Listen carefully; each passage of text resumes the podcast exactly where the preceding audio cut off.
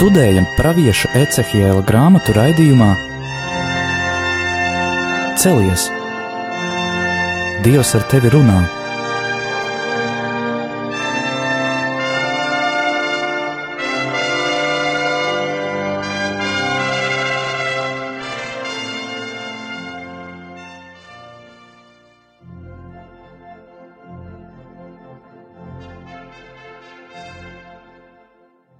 Slavēts Jēzus Kristus, mūžīgi mūžos slavēts studijā Stela. un Anģela.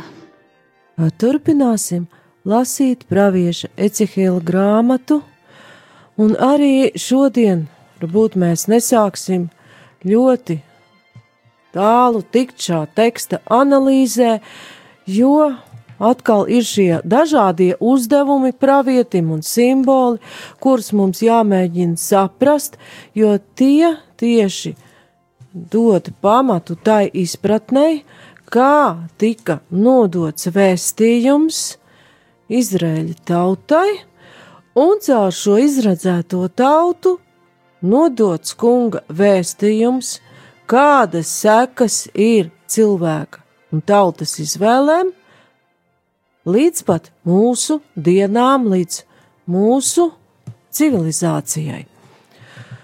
Un redzējām iepriekšējā raidījumā, kā Dievs pat liedz pravietim runāt un aicina viņu uzrunāt cilvēkus, tuvoties viņiem, tuvoties viņu saprašanai caur zīmēm, liekot darīt tādas it kā ļoti pārsteidzošas darbības un lietas, kad mums liktos, ka, ja tāds cilvēks kaut kur doma laukumā kaut ko tādu darītu, mums liktos piedodiet, viņam ir jādodas uz attiecīgi iestādi un jāārstējas. Taču tajā laikā eh, cilvēki, no kuriem daudziem ar lasīt un rakstīt prasmi bija kā bija, to uztvēra daudz savādāk un šādām redzamām zīmēm kuras rāda cilvēks ar savu rīcību, kurš ir pravietis, dieva sūtīts. Atcerēsimies, ka pravietis Ecihēls ir no priesteru dzimtas, tā tad, ja tauta nebūtu izvesta un būtu templis, tad tad, kad viņš saņēma no kunga praviešu uzdevumu, viņš šādā vecumā būtu izvērtīts par priesteri, bet tas nenotika. Un tā tad tā laika cilvēki Šīm zīmēm un viņa it kā dīvainajām darbībām varēja pievērst daudz lielāku uzmanību nekā runāšanai, jo, kā mēs atradām, runāšana nav aizsniegusi klausītāju ausis un cilvēki, izredzētā tauta trimdā, nekādus secinājumus no tā nav izdarījuši. Šodien pievērsīsimies nedaudz vairāk, precīzākam skaidrojumam, un parasti skaidrojumi pastāv vairāki, bet vienam no tiem, jo svētos rakstus kristietībā var pētīt un skaidrot, un izdarīt secinājumus, un cilvēks ir aicināts meklēt atbildes uz saviem jautājumiem. Un mums, protams, radīsies jautājums, kas tie ir par tādu dienu skaitu, kur viņiem ir jāguļ uz vieniem sāniem, tad uz otriem, un es kāpēc uz tiem kreisajiem sāniem ir jāguļ ļoti ilgi. 390 dienas tik ilgi jānes Izraēla nama noziegums, tad turpat desmit ciltīm, jo pēc Salamana radās divas karaļvalstis, un kad to ar tiem būs galā, gulsties vēlreiz, bet uz saviem labajiem sāniem, un es jūdas nama noziegums 40 dienas. Un par katru gadu viena diena, tā tad tie kopā ir bijuši 410 gadi. Un kas tie par gadiem, un kāpēc viņi tur ir? Jo par uh, to, kāpēc tur ir ķieģelis, plāksne, ar to visu mēs tomēr kādu skaidrību pagājušā reizē ieguvām, bet ar tiem gadiem un mēnešiem laikam īsti galā nepat, netikām.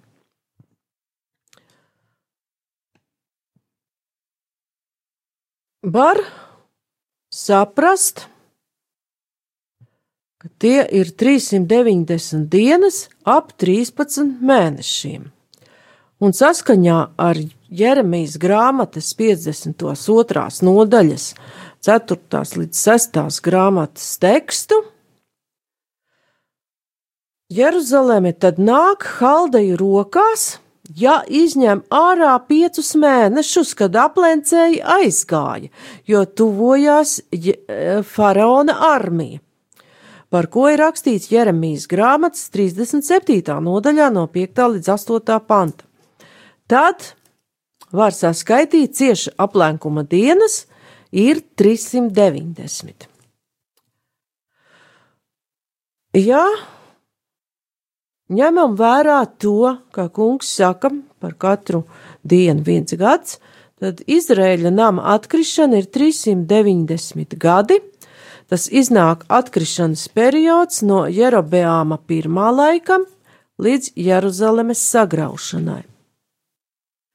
Un Jerobeāms pirmais valdīja ap 910. gadu pirms mūsu ēras, un par viņu nedaudz varam ko lasīt pirmā ķēniņu grāmatā, 12. nodaļā, un redzēsim, kā arī tur ir visa tā pati nelaime, atkrišana, kas nāk līdz jau pat no izceļošanas laikiem.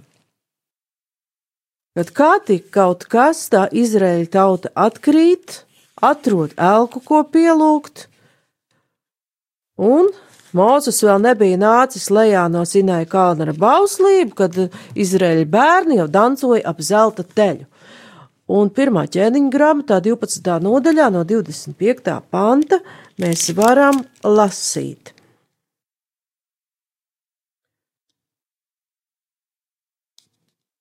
Par Jerobējām, bet Jerobējāms uzcēla Efraim kalnā, Sihem un apmetās tur dzīvot, un no turienes izgājis uzcēla Penuēlu, un Jerobējāms savā sirds prātā nodomāja – Tagad gan ķēniņa vara atkal atgriezīsies atpakaļ pie Dāvida. Ja šie ļaudis atkal dosies kalnup, lai upurētu kaujamos upurus tā kunga namā, proti Jeruzalemē. Un arī šo ļaužu sirdis atkal atgriezīsies pie viņu dieva un pie Rehabeāma jūdas ķēniņa, bet mani viņi nokaus, jo tie atgriezīsies pie Rehabeāma jūdas ķēniņa. Tur jau redzam, ka ir šīs divas karalistes. Un ko tad dara Jerobeāms? Viņš ir uztraucies. Un ķēniņš vaicāja pēc padoma un lika darināt divus zelta teļus un sacīja ļaudīm: Tas ir par tālu, lai iet uz Jeruzalemi. Lūk, Izraēl, tavi dievi, kas tevi izveduši no Ēģiptes zemes. Un viņš novietoja vienu no tiem Bētelē, bet otru Danā. Un šis vārds kļuva par apgrēcību jo tauta gāja gan pie viena, gan pie otra uz Danu. Tātad jau šajā ļoti senajā laikā ir sākusies šī tautas atkrišana. Un arī jā, mēs varam lasīt skaitļu grāmatā pēc 40 dienu skaita. Tik ilgi jūs izlūkojat to zemi, ikvienu dienu skaitot par gadu, jūs nesīsiet 40 gadus savus pārkāpumus, lai jūs tad atzītu, kas tas ir, kad es no jums nogriežos. Es esmu tas kungs, patiesi, ko es runāju, to es arī darīšu visai šai ļaunajai draudzēji, kas pret mani ir vienojušies, tiem būs iet bojā šī tūkstnesī, un tur tie arī mirs. Bet tie vīri, ko Mozus bija izsūtījis, lai izlūkotu zemi, un kas bija atgriežušies atpakaļ un skubinājuši draudzi kurnēt pret viņu, celtami neslavi arī tai zemē. Šie vīri, kas bija neslavu celuši zemē, nomira piepriekša navē, tā kunga priekšā. Paldies! Tātad arī Anģels lasītajā fragmentā vecajā derībā mēs redzam šo principu, ka uzrunājot cilvēkus, pat cilvēkus līdz mūsu dienām, ir šis simbols viena diena tiek ieskaitīta kā gads, un redzam, ka arī pravietim Ecihielam ir jāguļ uz labajiem sāniem 40 dienas, kas simbolizē šos 40 gadus pirms gūsta, par ko tuvāk mēs varam lasīt Jeremijas grāmatas pirmajā nodaļā no 1 līdz 2 pantam. Un, kad varam saprast, ar ko īsti ir runa šajā gulēšanā uz vieniem un otriem sāniem, un varam saprast, ka cilvēciski diez vai nu viņš gulēja tā 24 stundas diennaktī, bet viņš to darīja kādu noteiktu laiku ļaužu priekšā. Tad, viņš gāja tur, kur ir ļoti daudz cilvēku, lai viņi viņu var redzēt. Un kungs saka, ka es tev aplikšu vāžas, ka tu nevarēsi grozīties no vieniem sāniem uz otriem. Tiekams tavas ielēkuma dienas būs galā. Tātad Dievs ierobežo arī rīcības brīvību. Viņš nevar grozīties kā grib, un arī tās tautas vairs nevarēs darīt, kā viņas vēlās. Bet arī iesaistīt grāmatā mēs varam lasīt, mēs visi maldījāmies, kā avis, ik viens raudzījās tikai uz savu ceļu, bet tas kungs uzkrāja visus mūsu grēkus viņam. Kad viņš tika sodīts un spīdzināts, viņš padevās un neatraidīja savu muti kā jērs, ko ved nokaušanai, un kā auss, kas paliek klusa savu cirpēju priekšā. Tā viņš apklusa un neatraidīja savu muti. Paldies! Un šeit mēs atkal redzam šo secību, ka pravietis vienlaicīgi ir arī Jēzus Kristus pirmtēls, jo kas tad te arī ir Ecihēlam jādara? Viņam ir jānes šis noziegums. Cik ilgi tu uz tiem gulēsi, tu nesīsi viņu noziegumu. Tā tad var teikt, ka arī Ecihēla grāmatas teksts, kam it kā nav tik ļoti redzama saikne ar jauno derību, tomēr ir mesijānisks, jau ieskanas šī tēma par grēku uzņemšanos.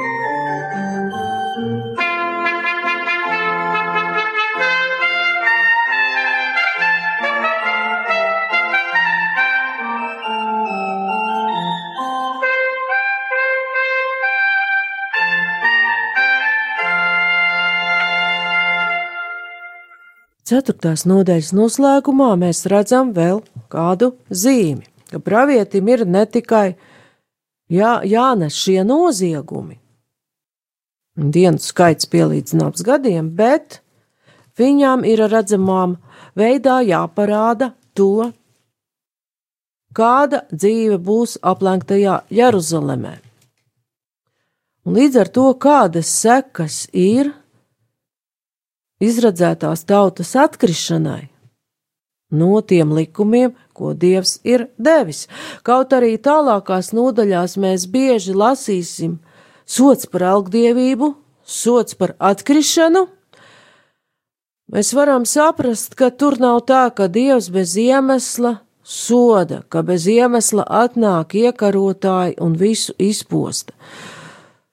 Sots ir sekas cilvēka rīcībai, jo Dievs ir devis, varētu teikt, braukšanas noteikumus jau svēto rakstu pirmajās grāmatās, jau likuma grāmatā un levītu grāmatas 26. nodaļā mēs varam lasīt gan svētības apsolījumus, kas ietver gan tautas daudzskaitlīgumu, gan maizi laikā, dažāda veida turību, gan arī tur ir lāsta vārdi, un atkal šis vārds it kā griežas ausī, bet tas nozīmē šo seku, smagumu un to, ka tās ir neizbēgamas, ja dieva dotie noteikumi netiks ievēroti. Jo paši saprotam, ka ja neievērosim ceļu un ceļa zīmi un brauksim grāvī, sekas būs diezgan traģiskas, pat nāvējošas. Es arī gribēju atgādināt, tad, kad ir Dieva svētība, jā, ap Ābrahamu. Un tas kungs parādījās viņam pie māmras ozoliem, kad tas dienas tveicē sēdēja savas tels durvīs, un viņš pacēla savas acis un skatījās, un raugi, trīs vīri stāvēja viņa priekšā. Tos ieraudzījis viņš steidzās tiem pretiem no tels durvīm, noliecās līdz zemei un sacīja, mans kungs, ja es esmu atradis labvēlību tavās acīs, tad lūdzams neej savam kalpam garām. Es likšu atnest drusku ūdeni ūdens, ko nomazgāt kājas, tad apmeties zem šī koka, un es dabūšu kumosu maizes, kas jūs varat savas sirds stiprināt, bet jūs varat atkal doties ceļā, jo kādā citā nolūkā tad jūs būtu iegriezušies pie sava kalpa, un tie teica, labi, dari kā tu esi sacījis, un Ābrahams iesteidzās teltī pie sāras un sacīja: Steidzies, paņem trīs mērus miltu no smalkajiem miltiem, iejauc tos un taisi plāciņus. Paldies! Un šis stāsts it kā nav tieši saistīts ar Ecihēlu, bet viņš parāda šo svētības pusi, ka Ābrahāms pat īsti nezinādams ieaicina Dievu savā namā, ka viņš nezinot, kas ir tie vīri, viņš ir gatavs dalīties tajā laba, labumā, kur Dievs viņam piešķīra. Bet viņš vienmēr arī gaida, kas nāks un aicinās pie sevis mājās dalīties ar savu maizi. Bet te mēs Ecihela grāmatā jau lasām par kaut ko pilnīgi citu, un iespējams, ka situācija, kuru tautai ir jāparāda Ecihielam, ir sekas tam, ka nabagais netika saredzēts, netika aicināts namā, ka nenotika šī dalīšanās ar to, ka tev ir šis dieva dotais labums. Un tagad kungs pavēl Ecihēlam ņem kviešus un miežus, pupas un lēcas un citu labību, liec tos visus kopā traukā un taisi sev maizīg dienas, kamēr tu gulēsi uz saviem sāniem, kad tev ir ko ēst 390 dienas. Tad ir runa par to pirmo termiņu, kas simbolizē 390 gadus, un tur nu, ir kaut kas kopā tāds diezgan, es nezinu, pēc kā tas varētu garšot. Kvieši, mieži, pupas, lēcas un cita labība jāsaliek kopā traukā, kādā veidā viņš tur tiek sadabūts. Kopā mums pat īsti nav pateikts. Tā tad ar to, kas ir pie rokas, viņš kaut kā ir jāsastrādā un jāiztaisa no tā kāds plācens. Un tie nav tie plāceņi, kurus Abrahāms varēja dot saviem viesiem. Un tālāk jau ir pateikts mērs, pārība, ko tu ēdīsi lai sver 20 seķeļu katru dienu, sadali to vairākām ēdamām reizēm. Un tālāk kungs norāda, ka ar šo zīmi būs pateikts, arī ar dzeramo ūdeni būs kā būs. Arī ūdeni tev būs dzert ar mēru un ar pārtraukumiem, katreiz hina sesto daļu un katru savā laikā. Tā tad nedaudz ūdens, kurš it kā ir sadalāms eh, un pieejams vairākas reizes dienā. Bet cik tad tur tā maizīte ir, pārēķinot mūsu mēros, tas ir apmēram 283,5 grami uz visu dienu. Tad nav pārāk daudz un spriežot pēc tā sastāva, nav nekas izcili garšīgs un nekas izcili barojošs. Bet tālāk, kas, kur izcepts vēl, ja? Un tālāk mēs runāsim tieši par to, uz kā jācep un kāpēc. Ūdens apmēram 285 ml. Nu, pieejams vairākas reizes. Nu, tas vēl tā, bet karstā zemē, kur saules pietiekoši grūti. Ēd savu barību kā miežu karašas, tā tad jāpieņem arī šo barību pravietim savā aicinājumā, it kā viņš ēstu miežu karašas. Un tas grūtākais un nepanesamākais Ecehēlam ir tālākais, ko kungs saka. Ēd savu barību kā miežu karašas, kas viņu acu priekšā ceptas uz sažuvušiem un saslaucītiem cilvēku mēsliem. Tā saka tas kungs, tāpat Izrēla bērni ēdīs savu maizi nešķīstu tautu starpā, kurp es tos aizdzīšu. Kāpēc tad jācep uz izžuvušiem cilvēku mēsliem? Padomājot par to, mums nav pārāk patīkami kuņģi. Vēl jau vairāk, kā redzēsim pravietim,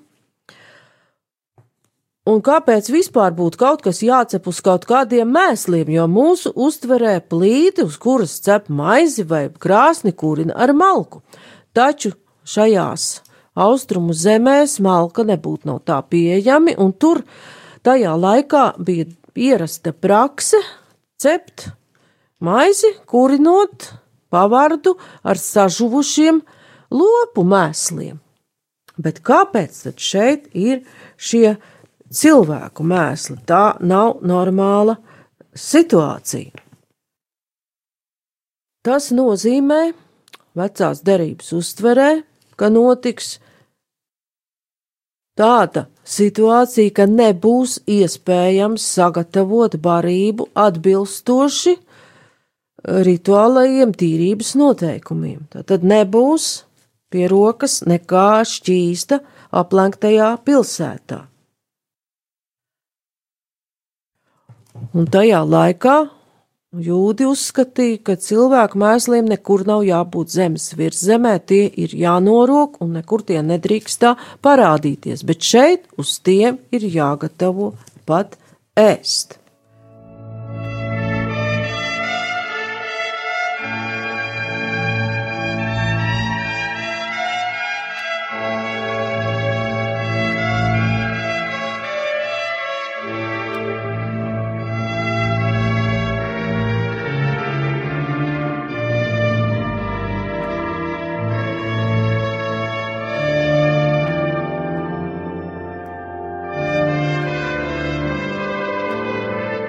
Vēl nav Jēzus laiks, kurš Mateja evaņģēlijā 15. nodaļā 11. līdz 17. pantam jau parāda citu šķīstības un nešķīstības izpratni. Te pie Ecehila mēs redzam, kā kungs pavēl to auguni kurt ar tādu gaužām nešķīstu izēju materiālu. Un zināmā mērā mēs varētu to savienot arī ar Ecihela grāmatas tālāko tekstu.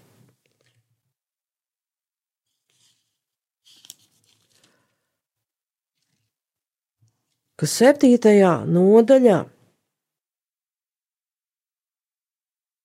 no 19. panta kungs saka, savu sudrabu tie metīs uz ielas, viņu zelts tiem būs kā mēsli, jo viņu sudrabs un zelts tos nevar izglābt tā kunga dusmības dienā. Tālāk, 20. pantā, no tā darinātās dārgās rotas ir veicinājušas lepnību, un tie darināja no tā savus nejēdzīgos dievekļus, savus riebīgos alku tēlus. Tādēļ es viņiem zeltu padarīšu līdzīgu mēsliem. Tad te var saprast, ka šis zelts būs tik nevērtīgs, un par to nebūs iegūstama pat pietiekoša barība. Jēzus jau manis minētajā Mateja evaņģēlijā noņem šos ārējas rituālus, šķīstības vai nešķīstības ierobežojumus, parādot lietas tādas, kādas tās ir pēc gara. 15. nodaļa, 11. līdz 17. pants.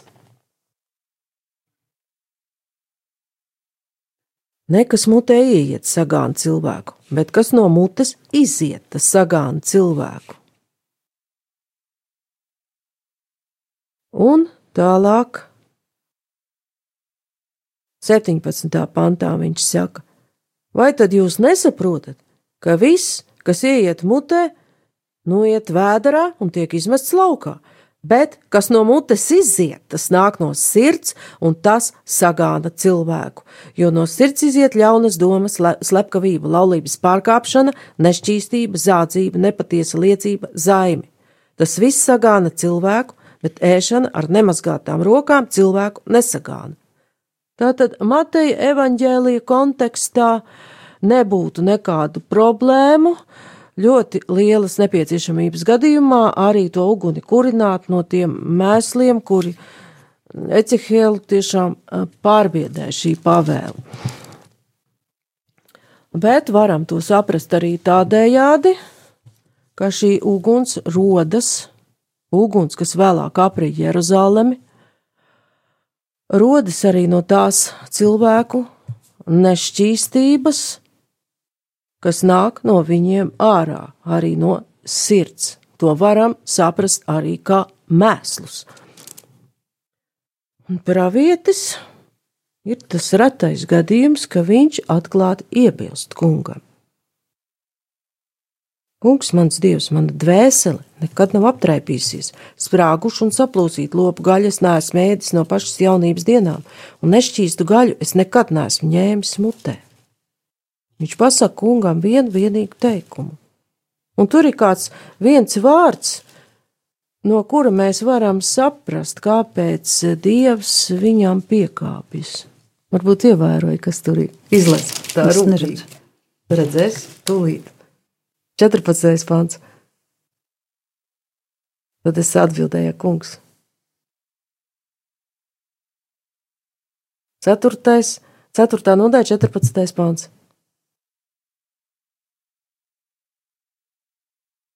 Nolas vēlreiz un redzēs. Tad es atbildēju, ak, kungs, mans dievs, mana dvēsele vēl nekad nav aptraipījusies. Tieši tur arī apstājamies. Par ko viņš tur īsti runā? Kas nav aptraipījies? Mana dvēsele nav aptraipījusies. Tā tad viņš kunga likumu neuztver kā ārēju likumu burtu, Viņam tas ir sirdī rakstīts. Kā eh, kunga likums, viņš to uztver ar garu, un tas ir būtiska viņa dzīves sastāvdaļa. Un caur šo ārējo likumu pildīšanu viņš grib parādīt cilvēkiem likuma garu. Un tāpēc, ka kungs redz šo viņa dvēseles nostāju, viņš atļauj viņam lietot lopu mēslus cilvēku mēslu vietā, un uz tiem tu vari sataisīt savu ēdamo. Un ceturtā nodaļa beidzas ar kunga vārdiem: cilvēku bērns redz, es izbeigšu maizes krājumu Jeruzalemē, tie ēdīs maizi ar svaru un ar bēdām, dzers ūdeni ar mēru un bailēm. Tādēļ, ka tiem nebūs maizes un ūdens, tie kritīs cits aiz citu izmisumā un aizies bojā savu noziegumu dēļ. Tātad šodien mēs sapratām šo pirmo zīmju nozīmi, kāpēc jāguļ uz vieniem sāniem un otriem, un kā izskaidrot šo nešķīsto maizi un šo izēju materiālu, uz kura tā jācep, bet nākamajā reizē mēs jau lasīsim Ecihela grāmatas piekto nodaļu, un tālāk jau pieskarsimies 6. un 7. nodaļā teiktajiem kunga vārdiem, arī 5. nodaļa sāksies ar kādu zīmi, kas attiecas uz Jeruzalemes aplēkumu un izredzētās tautas likteni. Paldies par uzmanību! Studijā bija Stela un Anģela.